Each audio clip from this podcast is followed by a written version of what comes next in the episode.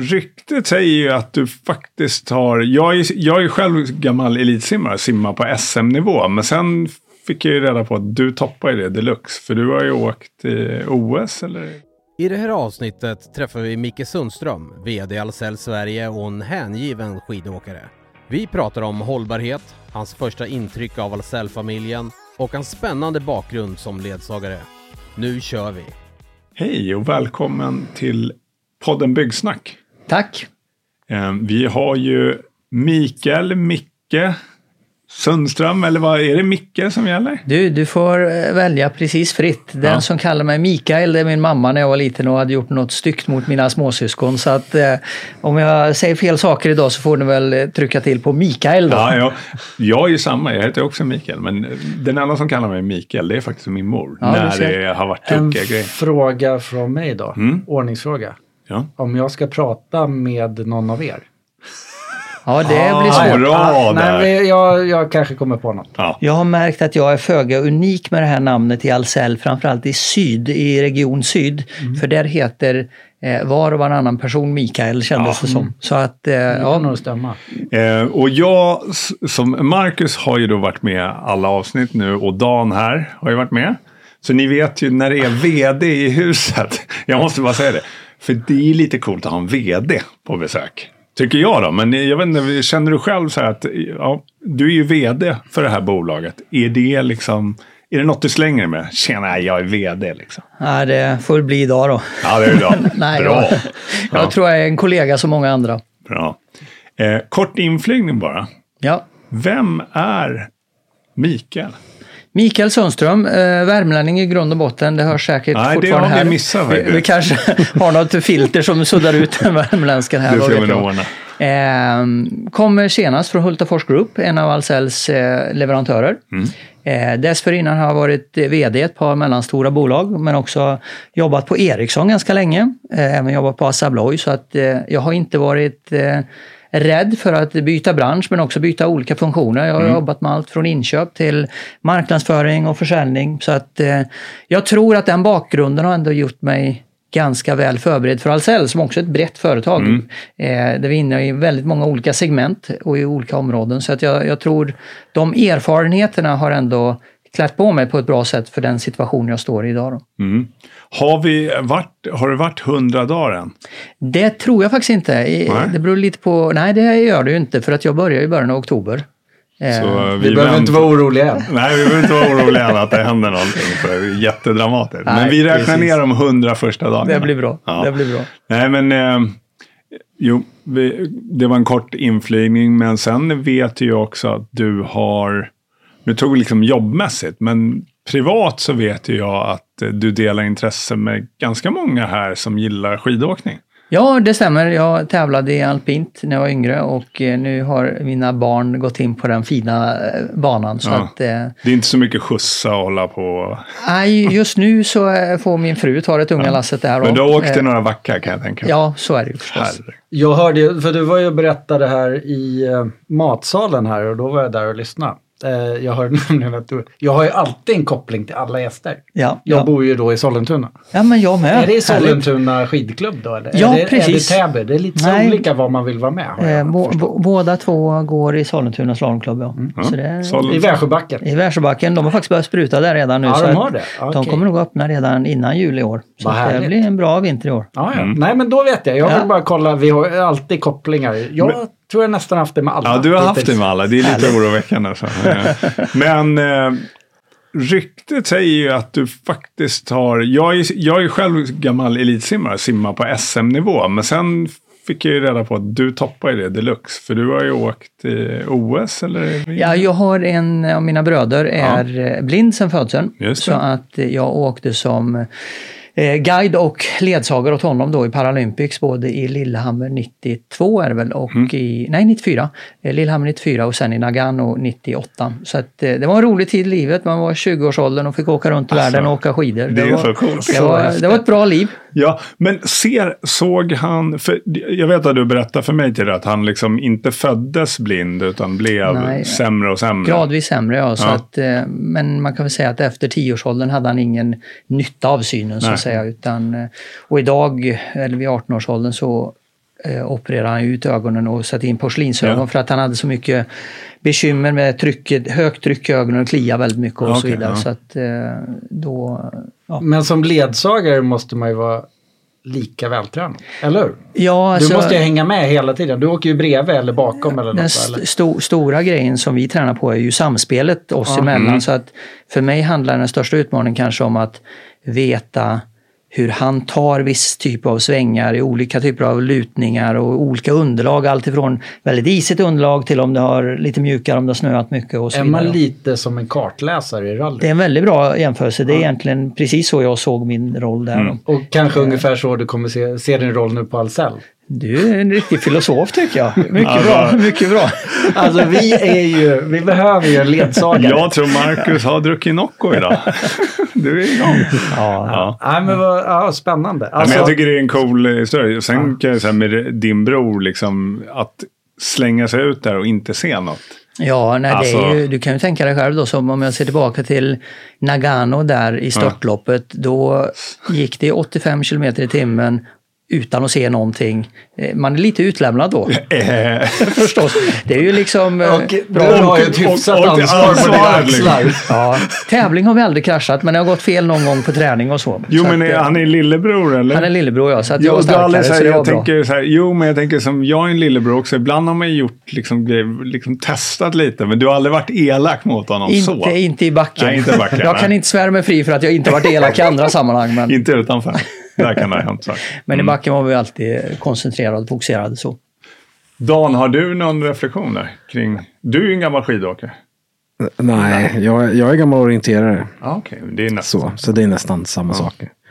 Men, men, men det jag undrar, åker man bredvid eller åker man bakom? Eller åker man Nej, jag åker bakom och har en komradio. helt enkelt. Så han har en snäcka i örat och jag har en eh, mikrofon inopererad i hjälmen. Så att eh, det var det sättet vi kommunicerade på. Ja, Ja. Åker du telemark också? Jag tävlade faktiskt i Telemark på 90-talet. Eh, men det var länge sedan. För jag brukar ju håna Micke för att han åker telemark. Han är kvar på 90-talet Ja, fortfarande. på Ja, men bra. Då är bra att du har lämnat det bakom dig. Absolut. Ja, Micke, jag faktiskt köpte, för två år sedan köpte jag nya Telemark. Se där ja. Alltså, Det finns fortfarande. Alltså. Oj, Ja, det var det, Det- många av oss undrade. Det är det är special special. Du får köpa i Frankrike. All right. ja. Se där, Men ja. vad kul. Då vad kul att du fick in det då. Ja, exakt.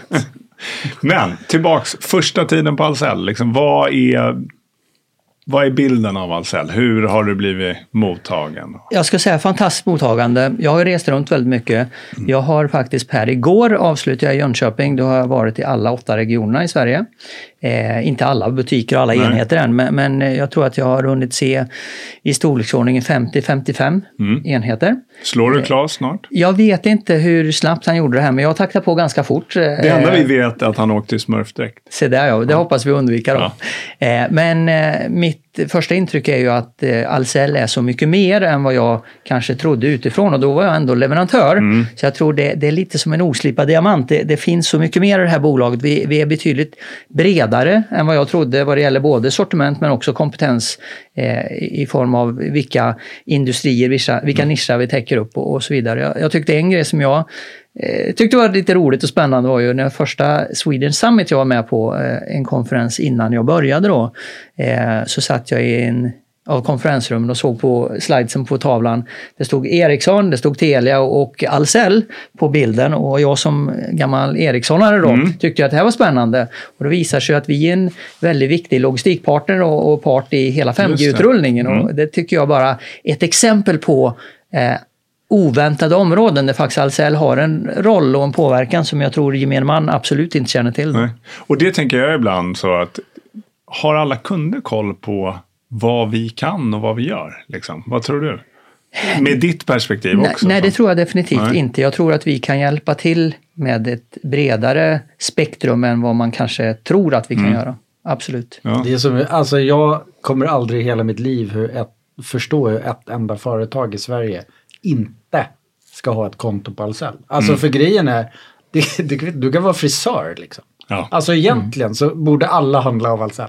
Nu ska det inte här vara en marknadsföringspodd för Ahlsell. Nej, nej, men, men- alltså det, men- det är typ när man förstår storheten på Ahlsell så tycker man att alltså varför ska något annat företag men- ens finnas? Ja. Jag- Jag håller med och vi pratar ju det, alltså eftersom vi har ett byggperspektiv på podden, även om vi, har, vi hade Elektrikerpodden här för något avsnitt sen Sluta riv. som slutar riv. Så vi har haft lite olika då. Mm.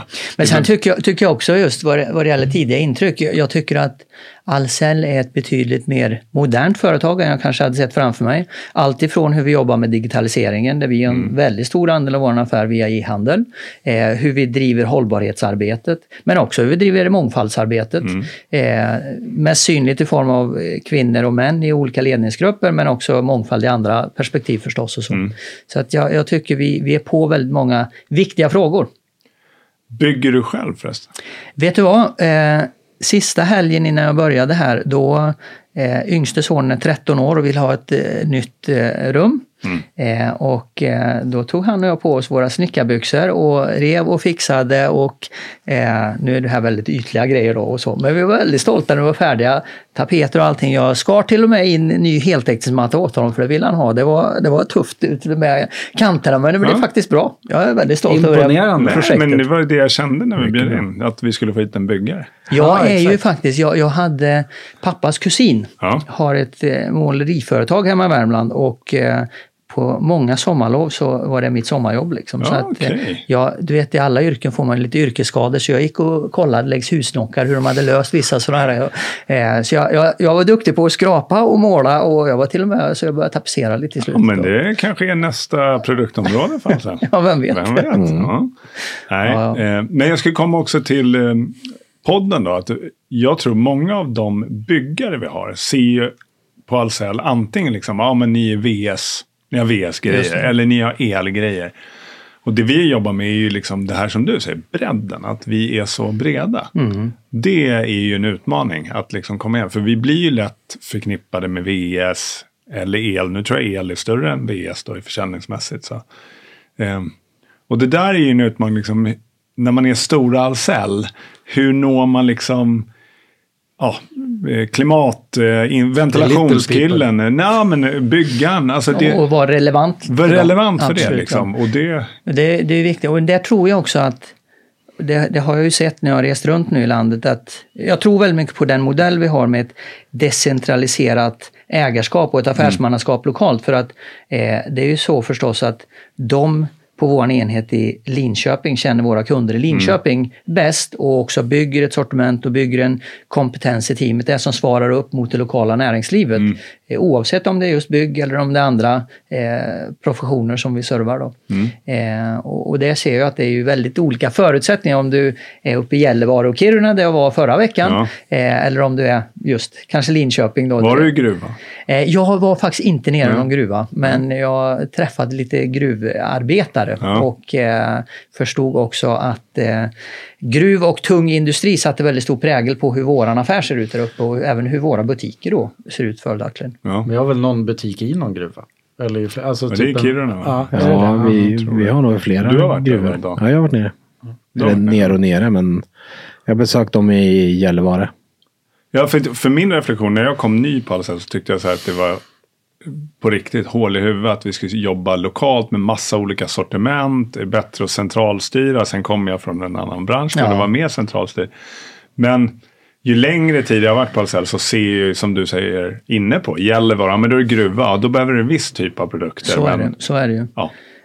Men jag tror också det med det nischade sortimentet för att svara upp mot det lokala behovet.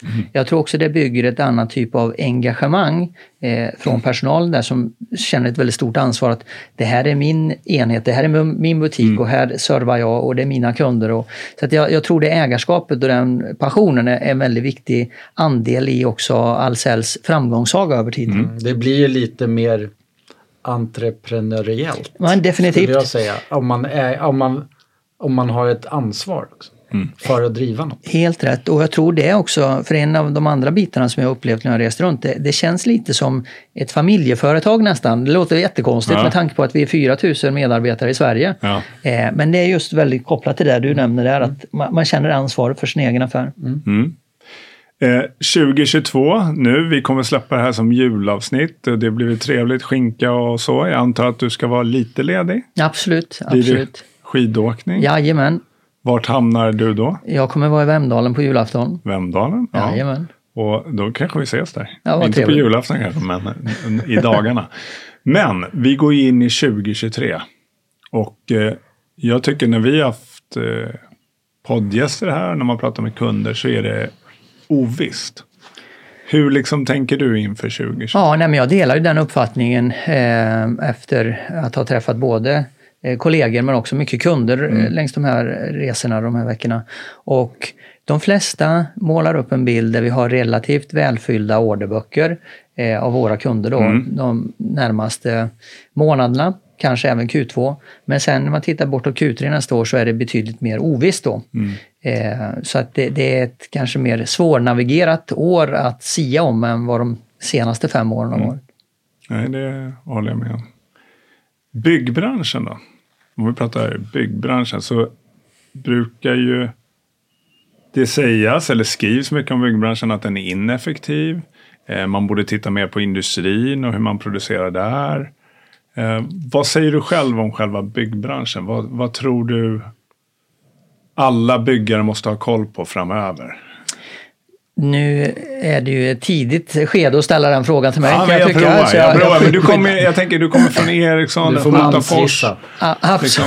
absolut. Och du är väl ingenjör i grund och botten? Ja, och liksom... Nej, men jag, jag, tror en, en av de delarna som jag också har sett med egna ögon när jag rest mm. runt är ju hela logistiken och logistikapparaten runt byggen.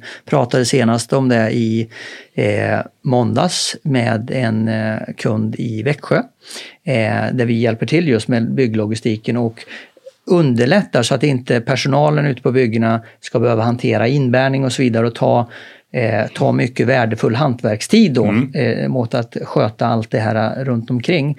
Och, och där han också hade upplevt att det blev mindre svinn med den typen av externa bygglogistiklösning som mm. vi assisterade med där. Så jag tror det är ett sätt vi kan automatisera och effektivisera så att eh, man kanske i områden eller i, i höga hus, till exempel Karlatornet, mm. eh, driver eh, inbärning och sånt på nattetid. Mm. Eh, så att allting finns på plats när hantverket ska börja och snickra upp kök eller vad det nu är på mm. morgonen mm. efter. Då.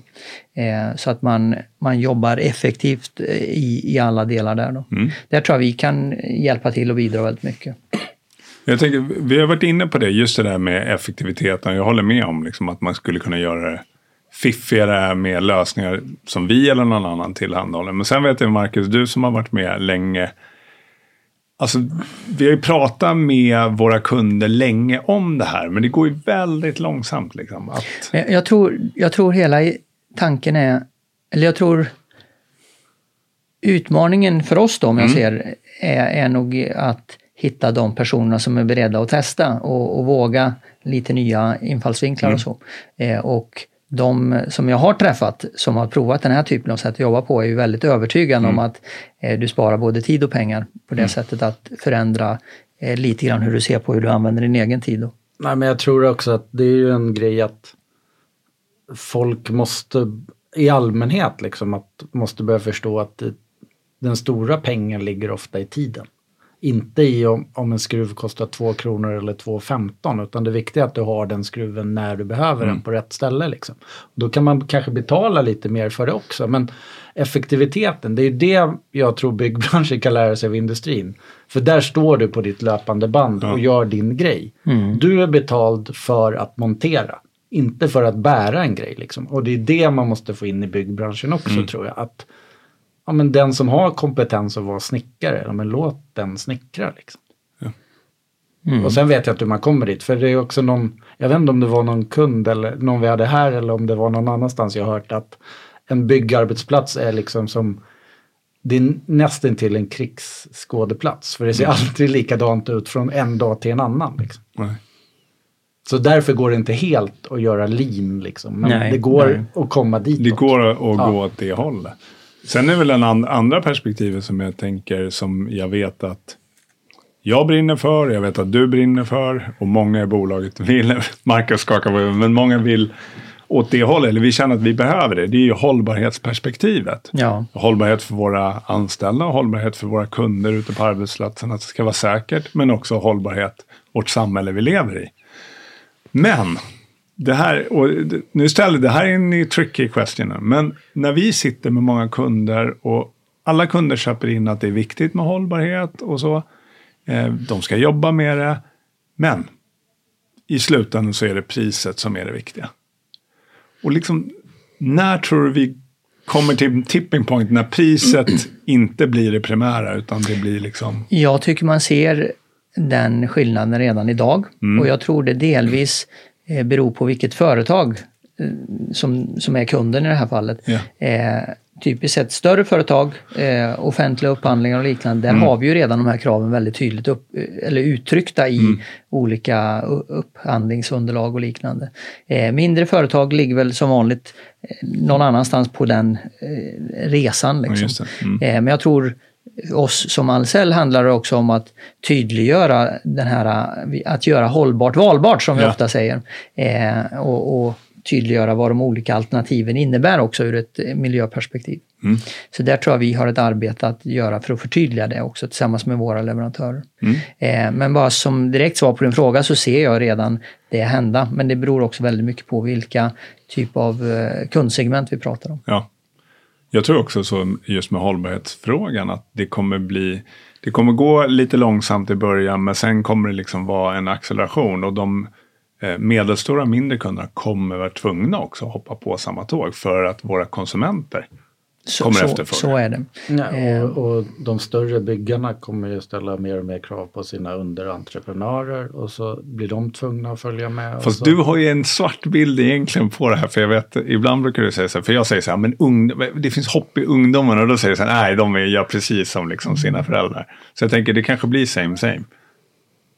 Ja, nej men alltså jag tror, nu Ja. ska vi flyga iväg igen som vi gör ibland, men jag tror, alltså det måste ju komma, det kommer den här EU-taxonomin Mm. och sådana grejer, det måste ju komma lagkrav för att, för annars är det ju, alla företag är ju gjorda för att skapa så mycket vinst som möjligt, Mm. vilket är pengar.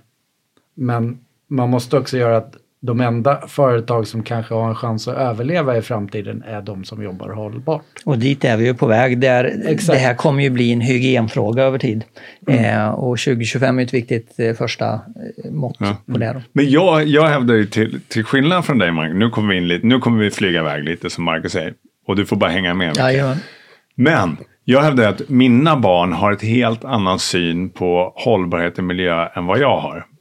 Eh, Vet du varför? För att de inte betalar något själva än. ah, okej. Det är därför. Ja, jag, Alltså, jag, vet inte. Jag är hoppfull riktigt, om att det, de... det tror jag. Alltså jag vet att den nya generationen kommer säkert vara mycket bättre än oss. Ja. Men så fort du behöver betala något själv, bensin eller vad det än är, så kommer det också bli en plånboksfråga. Mm. De som har råd kan välja rätt. Men det är alla där- våra ungdomar kommer inte ha råd att välja rätt. Mm. Och det är där lagkravsfrågan är Exakt. viktig för den typen av aktörer som, som, och den bransch vi påverkar. Men är det skillnad? Alltså, jag tänker, du har barn Micke eh, och du har ju det Marcus och Dan Ja. och jag.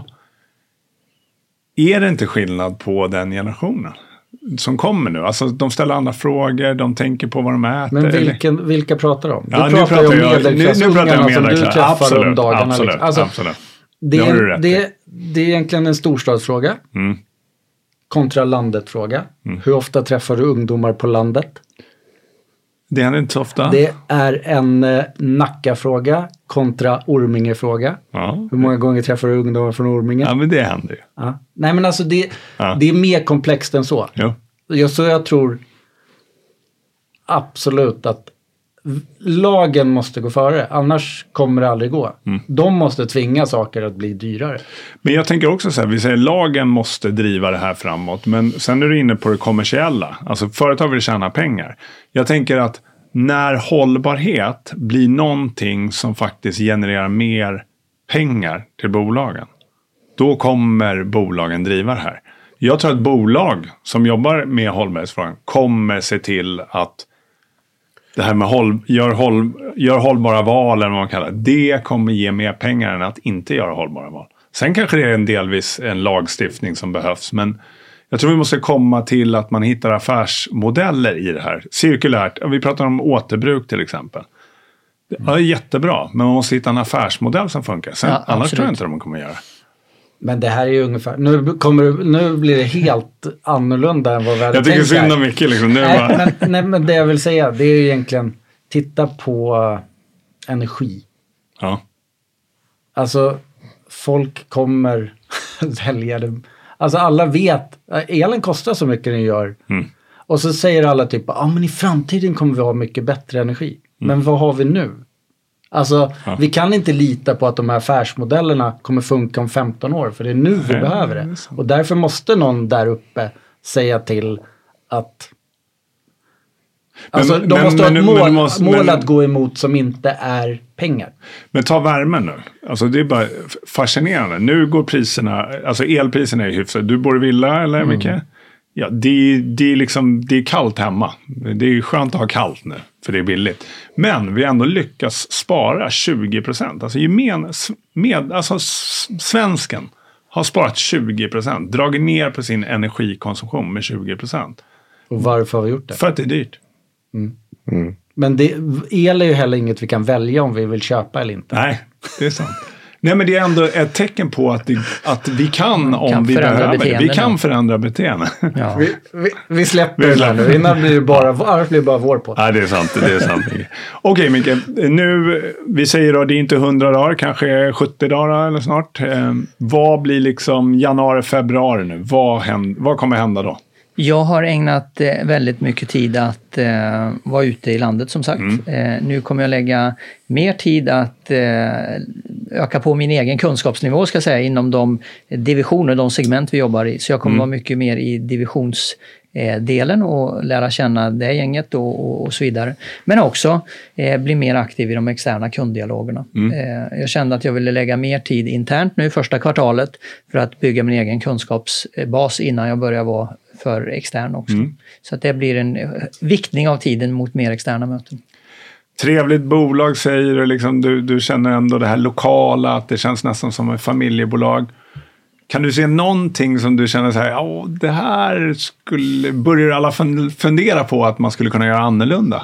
Vågar vi, vågar vi ta det nu? Trots Nej, det tycker jag inte vi ska ta nu. Det är för tidigt att uttala sig om. Men jag, jag tycker också så här att jag är väldigt ödmjuk för faktumet att det är ett väldigt framgångsrikt företag som jag kommer till. Så att för mig har det handlat mer om att eh, lyssna och prata under den här första tiden.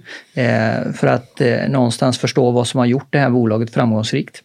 Eh, så att, eh, ja, jag, jag tycker det, det är för tidigt. Ja, men det är bra. Och det är min bild. Jag har ju varit i några andra möten, bland annat eh, förvärvsmöten med dig. Och det var min första bild. Att du, du lyssnar och sen liksom istället för att prata om massa du inte har koll på så säger du någonting väldigt krispigt om det du har koll på. Jo, men jag försöker gärna vara ganska faktabaserad i, Ja. i analysen och också ta in ett eh, brett perspektiv. Eh, och, och förstås i, i viktiga beslutsmöten samla alla nyckelmedarbetare som har en viktig infallsvinkel på en frågeställning som diskuteras så att vi inte blir för enögda när vi tar beslut. Det tror jag är viktigt. Då. Inte minst i ett så här stort företag för de beslut som vi tar på central nivå de får ju en stor bäring på många ute i, i teamet och i verksamheten.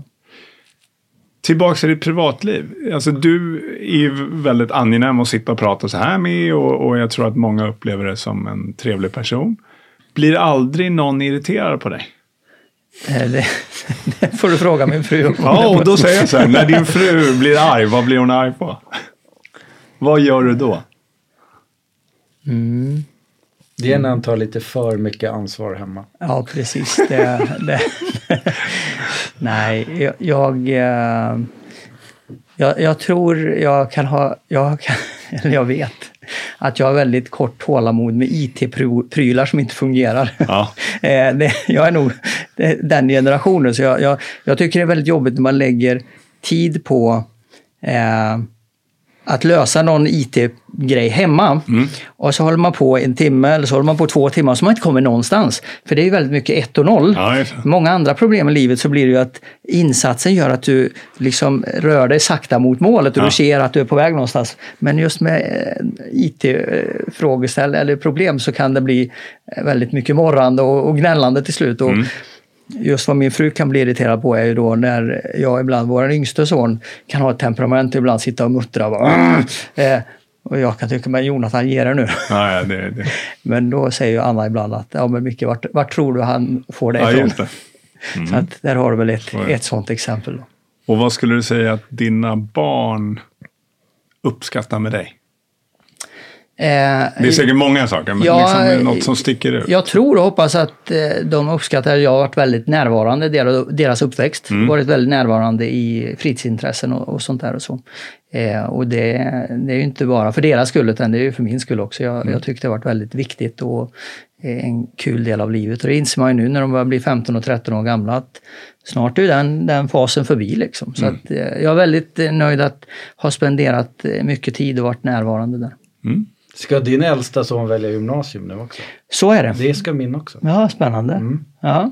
Är det mycket... Det är spännande. Har- Alltså, har du också fått 30 kilo reklam i en Ja, brevlåda? apropå hållbarhet ja. Alltså Är det så? herregud. Och Ja, det, jag har inte den ena än. broschyren efter den andra. Ja, det är mycket glossiga Här broschyrer har om vi The vilka... International School of Business and bla bla bla. Ja, Ja, Okej. nej, det, är, det är mycket, mycket beslut för att bara vara gymnasiet tycker ja jag. exakt. Jag försöker bara säga att det kommer inte avgöra Det var, livet. det var lättare vet du, hemma i Karlstad. Då hade vi ett tekniskt gymnasium. Det var perfekt. Ja. Så då, då Jo, men det, var, det ju lättare. Det var väl lättare för dig och mig också. Det, för mig var det Tyresö Ja, ja, nej men det var samma för mig. Det var Rudbeck. Jag är från Sollentuna. Ja, ja.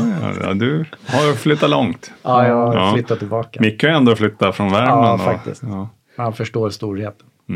Exakt. Till, till, jag tänkte vi skulle runda av lite Micke. Ja. Det har varit jättekul att ha dig här och med och att du tar dig tid. Men eh, apropå skidåkning då, utförsåkning. Har du någon sån drömplats liksom, som du vill åka till? Jag har ju varit på ganska många ställen Mm. eh, och eh, har väl ställen jag gärna skulle vilja resa tillbaka till. Mm.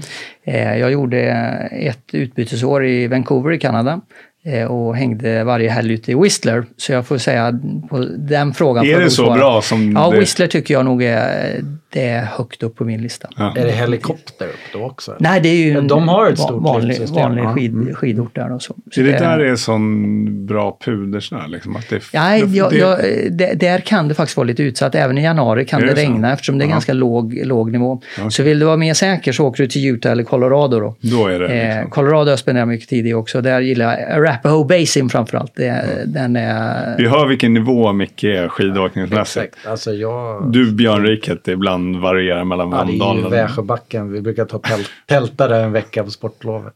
Jag var uppe i Klavsjö förra helgen och svensk skidåkning kan också vara fantastisk. Det kan det, ja. När vi kom upp det var sån inversion då, så det var superkallt i dalen. Mm. Eh, det var typ ja, 15 grader, det är inte superkallt, men den, det var kallt där. Ja. 7 grader på toppen, blå himmel och så, Men var det snö nu? eller? ja det är ju Eller- konstsnö då. Så Ja, att, Ja, det, eh, måste, ja. det var, det måste det var helt, magiskt. helt magiskt. Och så åker du och myser där uppe och så åker du ner i locket och du bara känner hur det blir kallt i hela ansiktet. Och så. Jag Men det var en funderar på. Andorra. Har du varit där? Där har jag aldrig varit, så du får berätta hur det är. Ska det vara bra? Funderar Eh, jag tänker så här, om man åker annars på platten, så Vasaloppet, och där lär du behöva vara lite grann, eller? Ja, det är ju jättekul. Eh, apropå ett ämne vi inte har pratat så mycket om i den här podden än. Eh, det är ju något som jag blev väldigt glad över när jag var i rekryteringsprocessen och se att eh, vi är en av huvudsponsorerna i Vasaloppet. Mm. Eh, jag har själv kört ett antal gånger så att eh, det ska bli kul att komma tillbaka dit. Jag trodde att jag hade lagt längdskidorna på hyllan men eh, som huvudsponsor så är det klart att vi måste vara med. Och, så vi kommer ha ett eh, stafettlag med från svenska Ja. ledningsgruppen. Spännande. Ja, så det kommer Har, du, har du fått eh, sträcka tilldelad än? Jag kommer nog köra slutsträckan tror jag. Ja. Så att det ser jag mycket fram emot. Det Jag ska bli... för seger. Och jag Det- för mig det att ska bli din, kul. Det din ska bli- föregångare körde den sträckan, har jag för mig. Ja, men framförallt så ska det bli kul att köra den sträckan utan att ha sju mil i armarna. För man brukar Ja, vara väldigt mm, trött man- när man kommer dit. Men det. nu kan man köra de sista två milen och vara helt energifull. Liksom. Ja. Så det, det kommer bli Jag jättebra. såg också någonstans att du hade spelat padel. Ja, vi har ju Ahlsell Padel Tour. Ja. Så då fick jag vara med och spela med Stadium Mm. eh, nere i Norrköping. Ja, Norrköping. Eh, De är ju också en stor sponsor i Vasaloppet så att Ja, vi hade det, det lite är de, gemensam ja. diskussion kring det där också. Så. Kul, men jag tycker det är kul apropå hälsosam rörelse att du eh, rör på dig. Jag har förmånen att springa lite med dig så jag vet att du är snabb. Så att eh, vi är glada att eh, du rör på dig. Nej, men jag, Marcus. jag tycker det här är, det är viktigt som stor arbetsgivare att eh, du vet, säkerställa att det finns möjligheter för personal och medarbetare Ja. att också få in det på ett naturligt sätt. Och jag tycker tillbaka till padden som du nämnde, det är ju också ett väldigt bra event och en bra plattform Mm. att träffa kunder och andra samarbetspartner på. Och så. Där Ahlsell blir en väldigt naturlig del i det lokala näringslivet. Då. Och apropå förändra branschen, jag var faktiskt inbjuden till en av våra större leverantörer. För de ville höra om vårt jobb kring hälsosam rörelse. Så att Ja. För de behövde inspiration vad de själva kunde göra. Härligt. Så det, det tycker jag är kul. Att Ja. vi framstår som eh, progressiva Ja. i det vi gör. Och du spelar ju padel, Marcus. Jag spelar padel. Ja. Ska vi, Dan, har du något att tillägga? Alltså, ni har ju kanske hängt förut, ni fotar och Ja, vi, filmar. Och, vi hängde en eh, halvdag förra veckan. Jajamän. Uppe i Uppsala. ja. Eh, Fin butik. Ja, jättefin butik. Eh, vi ska hänga igen nästa vecka. Så, så vi, vi hänger lite Du får och hänga alla ja, dagar. du får, alltså, Eh, Ja. Jag har en grej innan Ja. vi slutar. Eh, Dan förlorade sin jacka här på HK i förra veckan. Om någon har den, vad är det för storlek Ja. Dan? Det är storlek XL på den. Är den märkt? Det står Ahlsell på armen. Var det något speciellt i fickan? Nej, Men jag tänkte vi tar ut den som en efterlysning Ja, här nej, ifall någon har missat det. det Dan Elner saknar sin jacka. ja, det är bra. Det, det finns ett besiktningsprotokoll för min Ja, bil det- i innerfickan också. Men du kan mejla ut igen. Micke, tack för att du kom. Tack Kul själva. att vara med. Härligt. Ja, jättekul. God jul då alla som Ja, lyssnar säga. Ja, det tycker vi. God jul. Och då har vi en God wrap. Ja, Eller hur, som vi säger. Ja.